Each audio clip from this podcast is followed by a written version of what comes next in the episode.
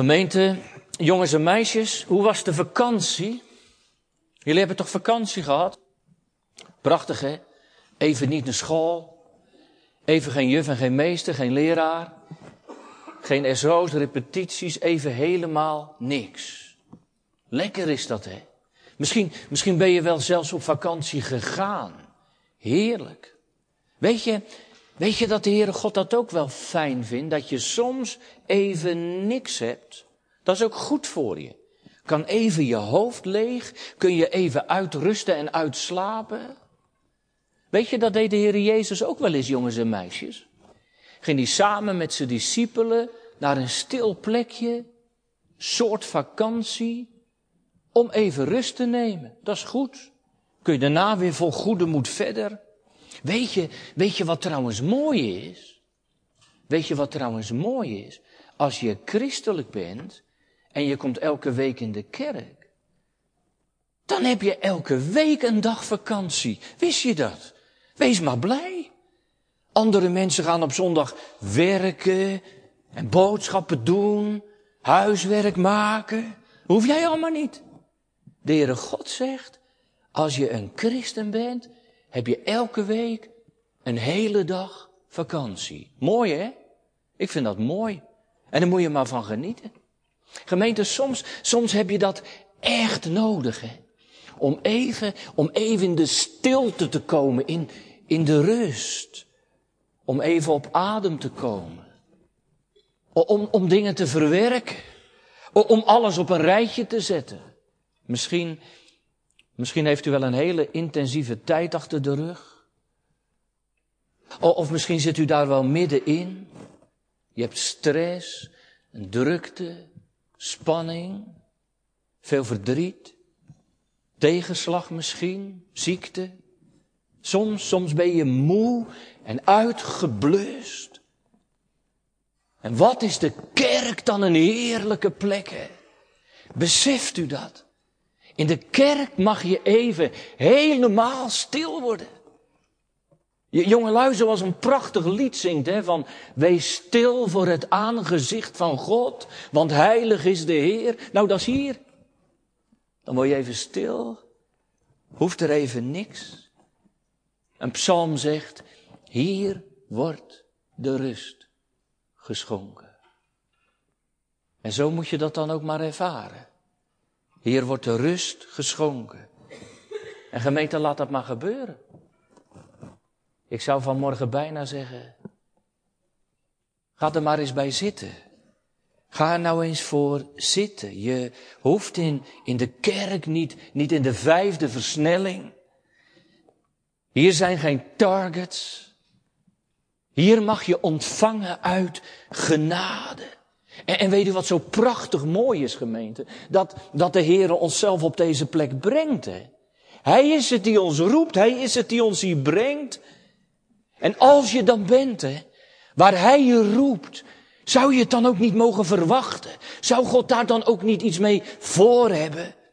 Ik, ik moest daaraan denken, gemeente, toen ik bezig was met dat slot uit het Matthäus-evangelie. Want daar komen we de discipelen namelijk tegen in Galilea. Ja, zij hebben een intense tijd achter de rug. In Jeruzalem. Wat was daar ontzettend veel gebeurd? En wat hadden ze veel meegemaakt? Het sterven van hun geliefde meester. Rekent u maar dat dat erin was gehakt. En dat lijden. Waarvan ze niets begrepen. Maar, maar toen ook die, die wonderlijke opstanding en, en dat hij aan hen verscheen. Gemeente, wat waren ze heen en weer geslingerd. En, en soms ook in de war en, en onthutst en dan weer verbaasd. Rekent u er maar op dat in die periode er ook heel wat tranen waren. Heel wat. Ja, en toen dat onvoorstelbare, toen Jezus leefde, toen zijn kruis betekenis kreeg en zijn opstanding van betekenis werd. Ja, de dood was overwonnen. Ook dat gaf weer een heen en weer geslingerd geloof. Kunt u begrijpen? Wat hadden ze veel meegemaakt? Ja, dat was, dat was in Jeruzalem. Maar nu, nu aan het einde van het Matthäus-evangelie komen we ze tegen in Galilea. Nee, nee, daar zijn ze niet zomaar heen gegaan. Gemeente, daar zijn ze heen gestuurd. De Heer had zelf opgedragen, nadat ik opgewekt zal zijn, zal ik u voorgaan naar Galilea. daar moet je heen, daarna. En, en een van de engelen zegt bij het graf tegen de vrouwen, uh, ga haastig heen, zegt zijn discipelen dat hij is opgewekt uit de doden. Hij gaat u voor naar Galilea. Zie, daar zult gij hem zien. En daarna, daarna herhaalt de Heer Jezus het zelf nogmaals aan diezelfde vrouwen. Wees niet bevreesd. Ga heen. Bericht mijn broederen dat zij naar Galilea zullen gaan. En daar zullen ze mij zien. Hoort u dat? De, de Heer wil dus zelf dat ze weggaan. Weggaan uit Jeruzalem. Ja, jawel, daar komen ze straks ook weer terug. De Heere zet je nooit in de stilte en in de rust om je dan altijd daar te laten. Nee, daarna kom je ook wel weer terug.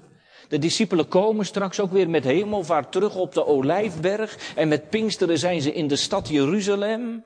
Tuurlijk. Maar nu? Maar nu neemt hij ze even apart. In de stilte. In Galilea. Daar kwamen ze trouwens vandaan. Wij zouden tegenwoordig zeggen, daar liggen hun roots. Waar, waar alles ook begonnen was. Hè.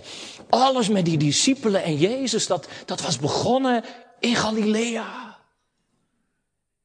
En, en daarbuiten gemeente, Galilea, is ook gewoon mooi.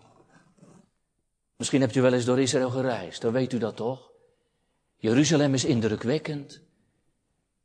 Galilea is mooi. Dat, dat prachtige meer, met die groene heuvels. De rust na de hectiek van het andere Israël. De, de bronnen van de Jordaan, de Hermon, de bergen.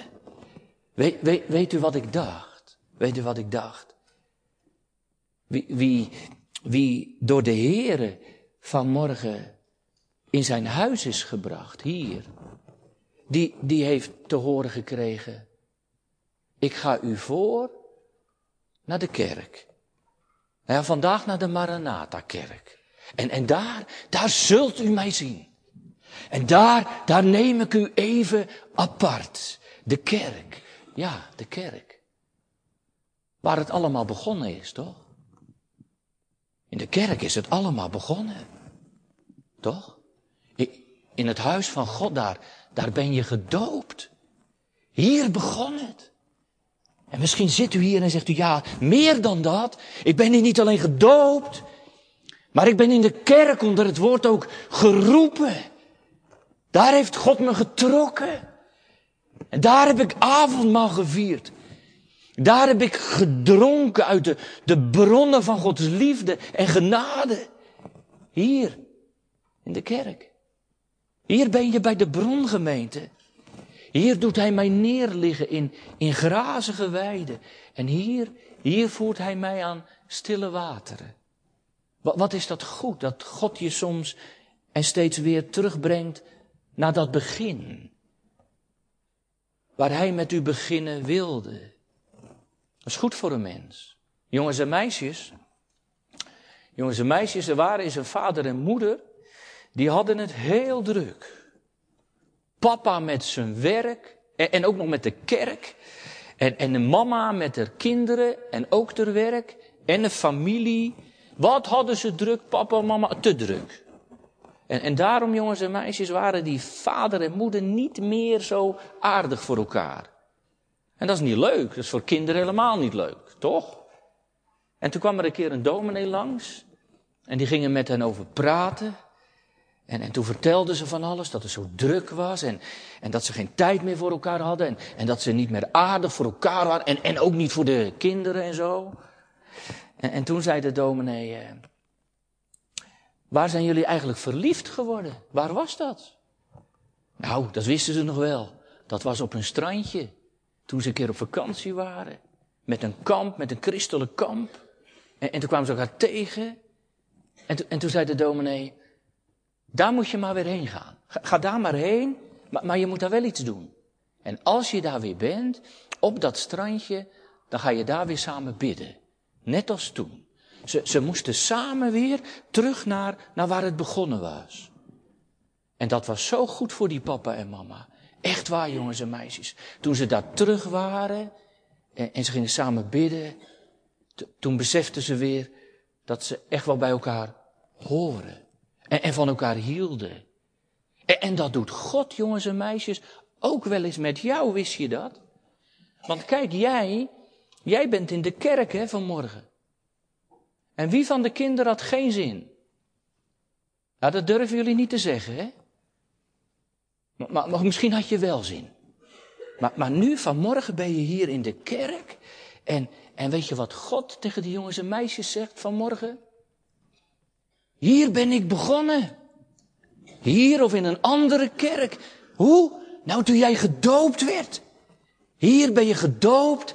En, en toen heb ik gezegd, zegt God, ik hou van jou. Jongens en meisjes, zul je dat nooit vergeten? Gemeente, die elf discipelen, die zijn naar Galilea gegaan. Daar waar het begonnen is. Naar de berg, zo lezen we vanmorgen in de Bijbel, naar, naar de berg waar, waar Jezus hen ontboden had. En, dat ontbieden, gemeente, dat ontbieden, dat heeft zelfs in de grondtaal nog iets meer kracht dan zomaar lijkt in deze vertaling. In de oude vertaling staat waar Jezus hen bescheiden had, in de HSV waar Jezus hen ontboden had. Maar in dat woord, gemeente, zit meer, zit meer een bevel, wist u dat? Hij beveelt het. Ik ontbied je. Ik verplicht je te komen. Op de berg waar hij hen ontboden had. Daar moest je zijn. Jongelui, als God je wil ontmoeten, hè? Als God je wil ontmoeten, jongelui, dan wil hij dat je er bent. En dan zegt hij, je moet, je, je moet komen. En, en echt, jongelui, achter dat moeten, daar, daar zit ontzettend veel liefde. Echt waar. Weet je, want God wil niet dat je verloren gaat. Je moet het doen. Je, je moet gewoon naar de kerk komen. Misschien hebben jullie wel vaders en moeders, jongelui, die altijd maar tegen jullie zeggen, je moet mee. En als iemand aan jou vraagt, zit jij ook in de kerk? Ja, ik moet. Mooi man. Dat is mooi. Als je een vader en moeder hebt die zeggen, je moet. Je moet zijn op de plek waar God is. Deed Jezus ook met zijn discipelen. Jullie moeten in Galilea zijn, op die berg. En, die mensen die wij dan vandaag gemeente tegenkomen op, op die berg in Galilea, die zijn daar omdat ze het gehoord hebben en gehoorzaamd hebben. Da, daar waren trouwens waarschijnlijk meer mensen aanwezig dan alleen de elf discipelen. Dat lijkt bijna, hè? als je zo Matthäus 28 leest, dan, dan denk je, nou ja, daar was de Heer met, met zijn elf discipelen, Judas was er niet meer. Jezus had de vrouwen immers, maar, maar er waren er wellicht meer gemeenten, want, want Jezus had de vrouwen immers ook geboden mee te gaan, toch? Gij zult daar ook heen gaan en zegt het de broeders. Sommige uitleggersgemeenten die zeggen dat, dat dit is wat Paulus bedoelt in de Korinthebrief. In de Korinthebrief staat ergens dat Jezus een keer op eenmaal aan 500 verschenen is. Sommigen zeggen dat zou zomaar hier kunnen zijn. 500 mensen. Op die berg in Galilea. En waarom zou dat zomaar kunnen, gemeente? Nou, omdat deze eh, ontmoeting was aangekondigd. Jezus had gezegd, daar zal ik jullie ontmoeten, op die berg. Mooi eigenlijk. Dat is mooi. Als, als de Heer het aankondigt, kun je er dus zeker van zijn dat je Hem ontmoet. Daar zit best een hele diepe gedachte achter. Ook, ook als je vanmorgen in de kerk zit. De Heer kondigt het aan. U zegt hoe dan? Hij zegt, waar twee of drie in mijn naam vergaderd zijn, daar ben ik in het midden. Gemeente, dan is de Heer vanmorgen in ons midden. Precies zoals hij beloofd heeft. En zegt hij, je zult me ontmoeten. Dat, daar hoef je dan ook niet, niet aan te twijfelen. Hoe dan ook, gemeente, Jezus ontbiedt hen.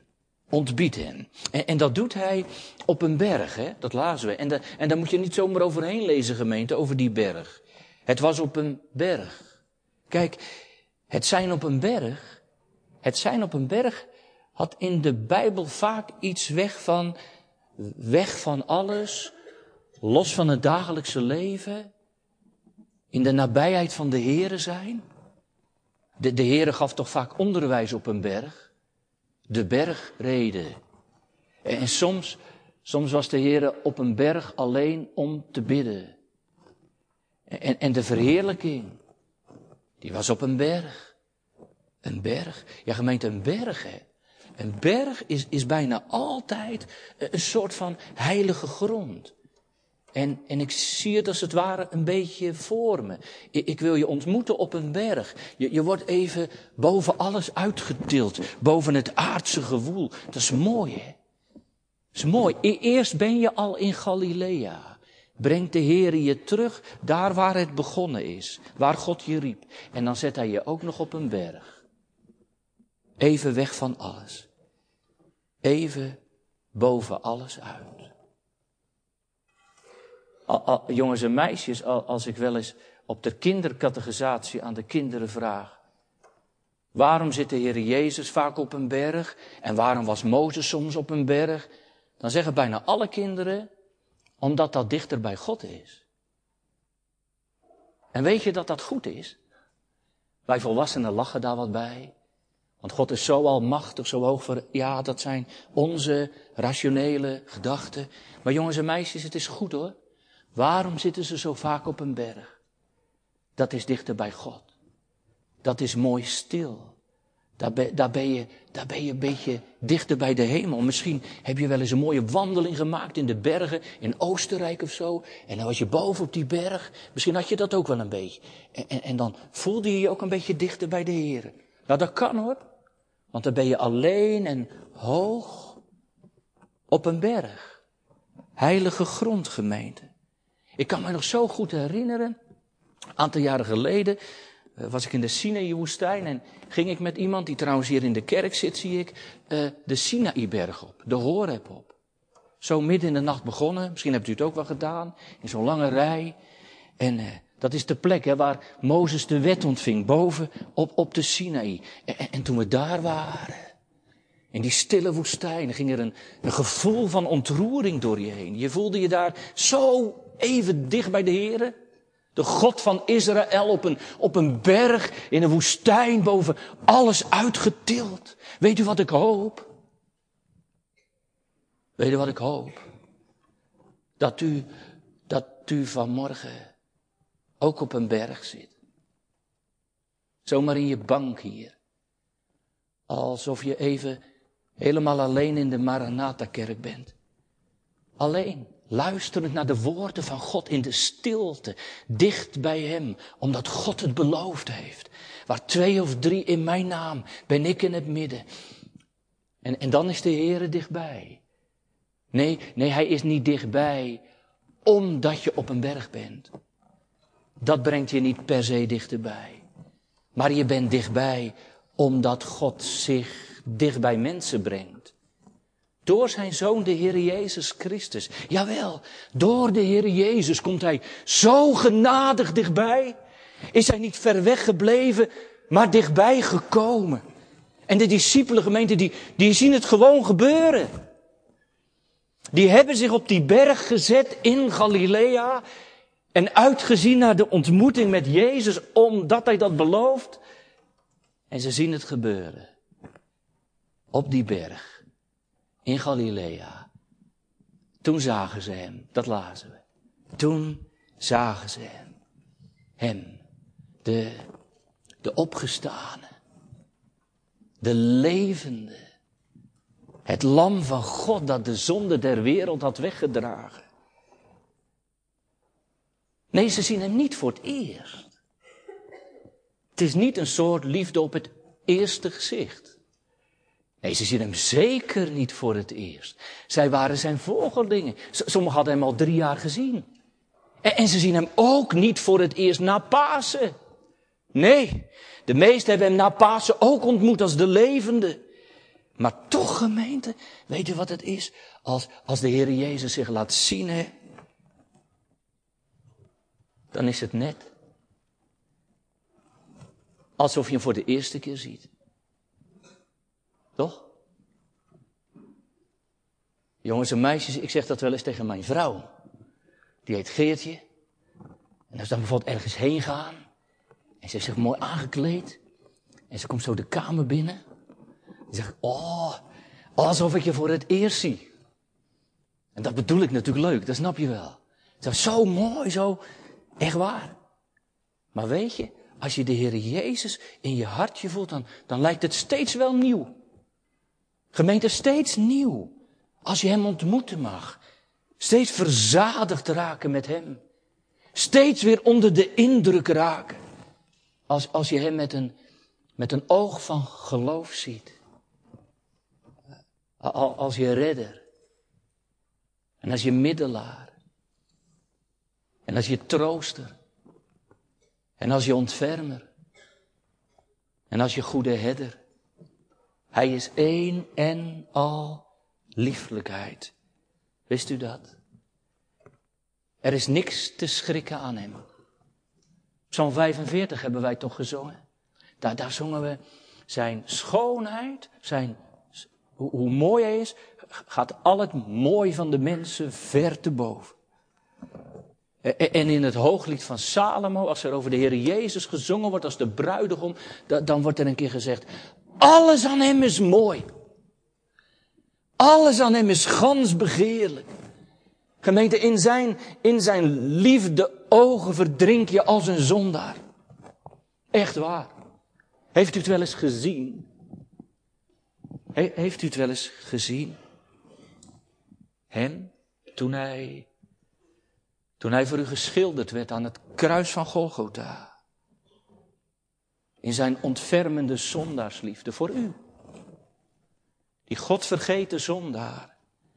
Die van zijn leven zo'n ongelofelijke bende had gemaakt. Maar Jezus zag je aan in liefde en je, je verdronk erin.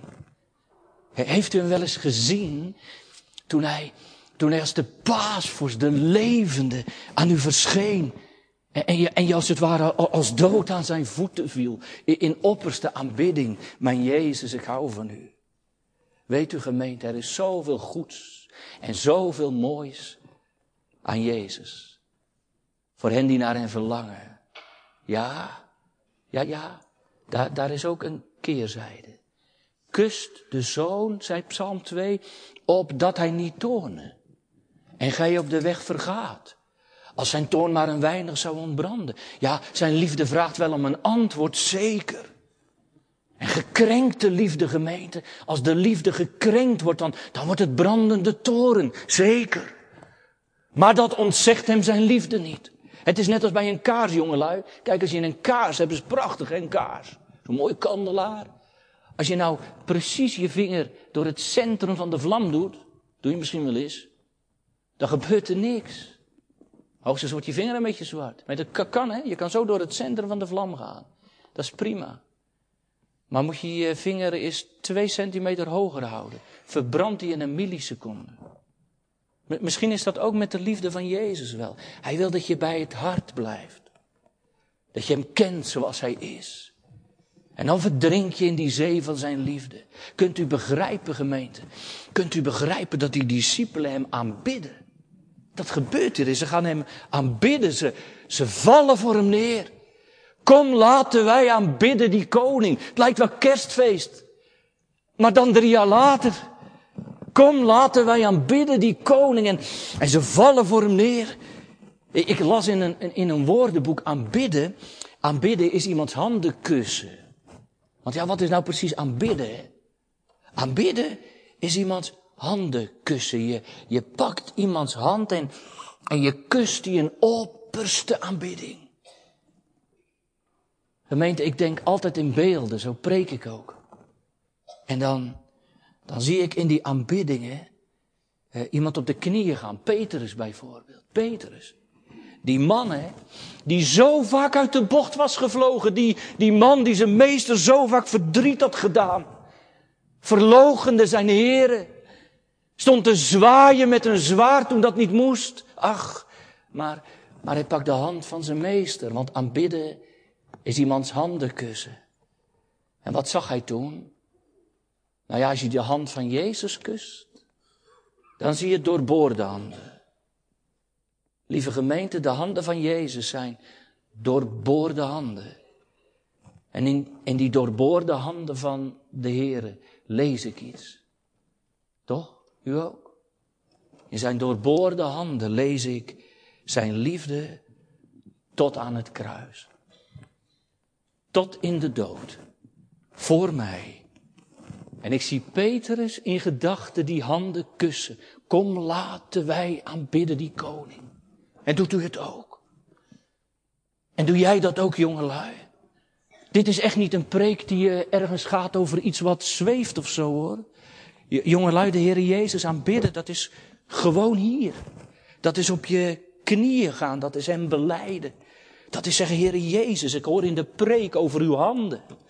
En die zijn doorboord van liefde voor mij. En, en kniel je voor hem neer, nu hij verschijnt. Want hij verschijnt.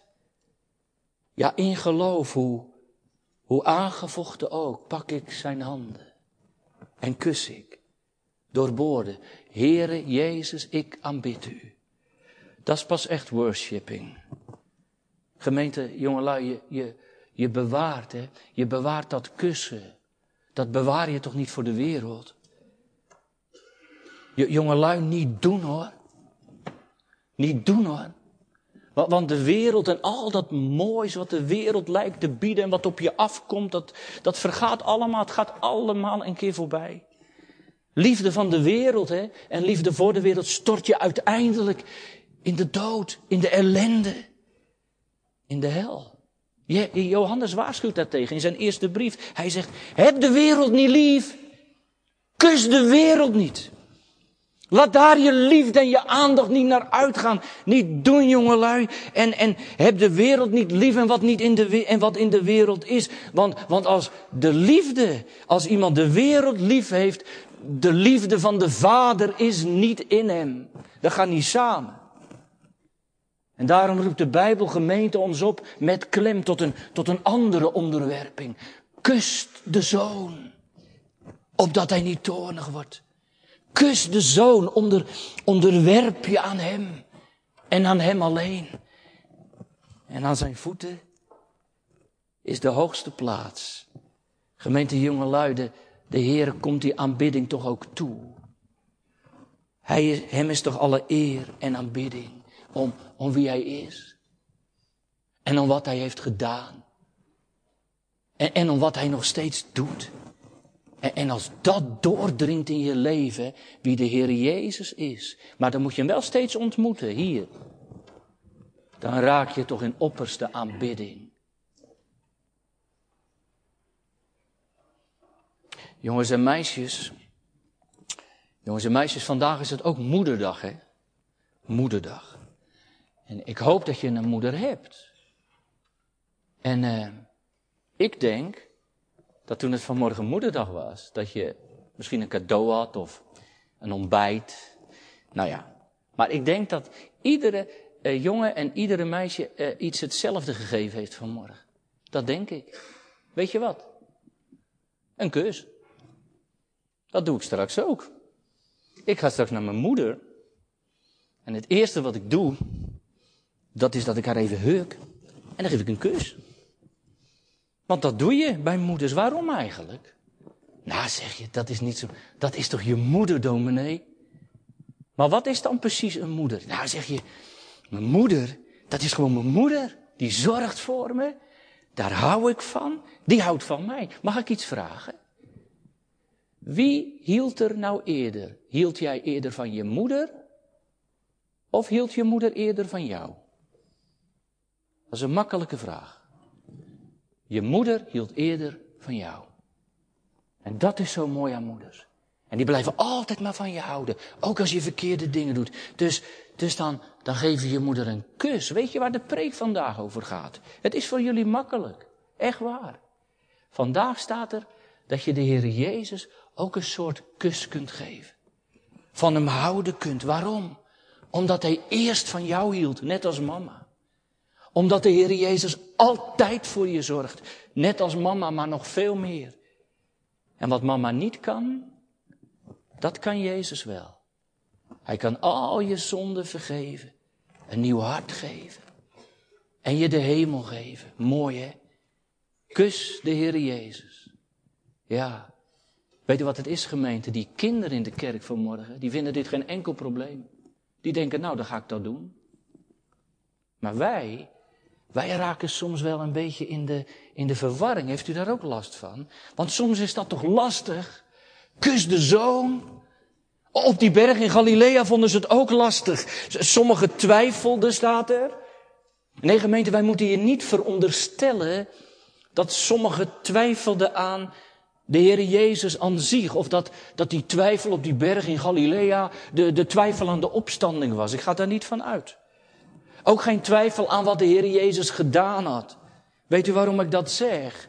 Deze mensen hier op die berg in Galilea, die hadden er met hun neus bovenop gestaan. Daar twijfelden ze niet aan. Nog, nog meer. Ze hadden die woorden van de Heer Jezus gehoord en gehoorzaamd. Zij waren toch op die berg?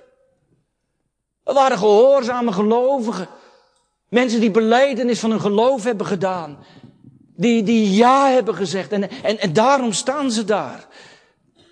En, en toch, het staat er wel, hè. Sommigen twijfelden. U, u zegt waaraan dan? Nou ja, dat zou een twijfel geweest kunnen zijn van, is, is dit allemaal wel echt wat hier gebeurt? En, en iedereen valt aan zijn voeten neer en, en begint zijn handen te kussen en te aanbidden. Maar kan ik dat wel? Vandaag? Misschien is er wel iemand in de kerk die dat herkent. Dat, dat geloof en twijfel soms enorm om, om voorrang vechten. Nee, je ontkent de Heer Jezus niet. Anders zat je hier toch niet? In de kerk. En als iemand zou vragen aan u, is het kruis waar in de opstanding? Dan, dan zeg je al ja voordat de vraag gesteld is. Je zou er niet aan willen twijfelen, maar, maar ineens staat de Heer dan voor je. En ontmoet je Hem. En dan, gemeente, dan, dan kan de twijfel je wel eens naar, naar de keel grijpen, toch? Kan. Want u bent maar een mens. En, en je ziet het even niet. En, en het dringt even niet bij je door, zoals bij al die anderen. En het enthousiasme van de rest, dat aan het aanbidden is, dat deel je even niet. Dat kan.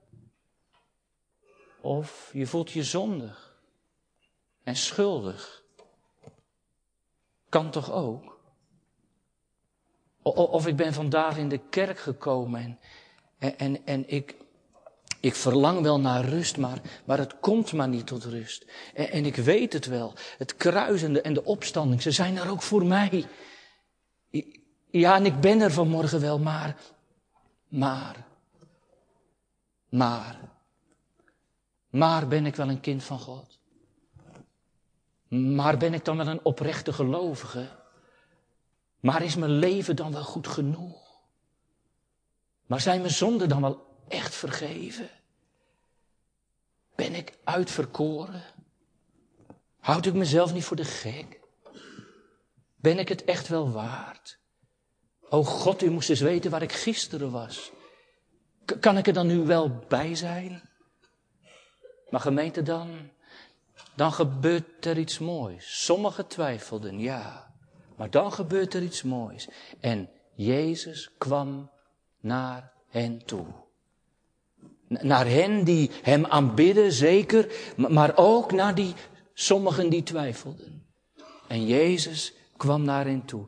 Hij, doet gemeente een, een, stap dichterbij. Dat, dat wordt in onze tekst bedoeld. In, in een Engelse Bijbel vond ik het iets mooier weergegeven dan in onze Nederlandse. Then Jesus came nearer. Toen kwam Jezus dichterbij, naderbij. Hij doet, hij doet een stap extra. En Jezus kwam naderbij, naar hen toe. Gemeente zoals, zoals hij dat zo vaak deed. Zoals hij dat deed bij de Samaritaanse vrouw. Toen deed hij een stapje toe. Of zoals hij dat deed bij Zacchaeus. daar deed hij een stapje toe. Of zoals hij dat deed bij, bij Petrus toen hij wegzonk in de golven, toen, toen, toen deed hij een stapje toe. En er klinkt geen enkel verwijt uit de mond van de zaligmaker. Maar, maar de Heer Jezus overbrugt daarmee de afstand tussen zichzelf en de twijfelaar. Then Jesus came nearer. Mooi hè? Vind ik zo mooi. Gemeente, dat is de, dat is de genadige nabijheid van een genadige God. Wij, wij kunnen er niet bij. Ik kan er soms niet bij. Het is me te hoog. En, en soms, soms, soms twijfel ik te veel. En, en ik kan ook geen geloof maken. En soms zit je zo vast in je, in je zonde, in je, in je ongeloof, in je twijfel, in je schuld. Maar hij komt nabij. Ja, vanmorgen. Nabij. Ik las heel eenvoudig in een commentaar. Hij komt naderbij, zodat de discipelen hem nog beter kunnen horen en zien. Prachtig. Hij, hij komt naderbij gewoon op zicht en, en gehoorsafstand. Ja, gemeente, dat doet de Heer. Dat doet hij door zijn Heilige Geest. Werkelijk waar. Dan, dan maakt hij Christus zichtbaar en hoorbaar. En in zijn woord hoor ik zijn voetstappen. En in de prediking zie ik hem dichtbij komen. En, en hoort u het ook? Horen jullie dat, jongelui, dat, dat, dat de Heer Jezus nameloos dichtbij is? Hij komt dichterbij. En in die nabijheid heeft hij een woord. Hè? Heeft hij een woord, gaat altijd om woorden. Ik heb alle macht in hemel en op aarde. Niets in de hemel en, en niets op de aarde is er wat niet onder mijn heerschappij staat. Ik heb alle macht, gemeente, wat een woord. Wat een woord, dat je daar even op die berg bent, even, even los van alles. Even in de rust. Hij heeft alles in handen. En ik mag het weer horen, hij heeft mij in handen, in kluis alles wat, wat me in het leven treft. Hij heeft de kerk in handen. En alles waarin de kerk zich bevindt. Hij, heeft de hele wereld in handen. Hij heeft al die plekken in deze wereld in handen waarvan wij denken, waar gaat het heen? Het is in zijn handen. Nee, ik begrijp het niet altijd. Maar het is wel in zijn handen. Gemeente, wat een machtige heiland. Ik heb alle macht in hemel en op aarde. Gemeente, dan loopt hem niets uit de hand. Niets. Alle macht. Ja, zegt er een kritische luisteraar vanmorgen. Maar had hij daarvoor dan al niet alles in zijn hand? De, de Heer Jezus heeft tijdens zijn rondwandeling op aarde toch ook gezegd: Alle dingen zijn mij overgegeven van de Vader. En in de wonderen die hij deed toen, toen werd toch ook zijn macht zichtbaar. Hij, hij, hij wekte de doden tot leven. Hij, hij stilde de storm. Hij, hij genas de zieken. Hij, hij wierp de duivelen uit. Zeker. Maar weet u, na zijn lijden en opstanding zijn alle restricties weg. Nu, nu is zijn macht, zou je kunnen zeggen, onbegrensd. Onbegrensd is de macht van Jezus. Zijn almacht is finaal en totaal. Maar Paulus zegt in Efeze 1, hij heeft alle dingen aan zijn voeten onderworpen en heeft hem als hoofd over alle dingen gegeven aan de gemeente. En in Filippenzen, daarom heeft God hem ook bovenmate verhoogd en heeft hem een naam gegeven boven alle naam. Jezus. Hij is koning. Koning van het gans heelal. Dat is mijn Jezus. Macht in de hemel, hè? Dat, dat gaat voorop. Hè? Hij beschikt gemeente over duizenden en tienduizenden engelenmachten. En daarmee, daarmee beschermt hij al zijn kinderen. Ja, want daar gebruikt hij die gedienstige geesten voor. En hij heeft alle machten en krachten over duivelen en demonen. Ze zijn niets bij hem. En hij beschermt en bewaart tegen al die machten van de duisternis. Ja, bij hem kun je schuilen. En hij heeft alle macht op aarde.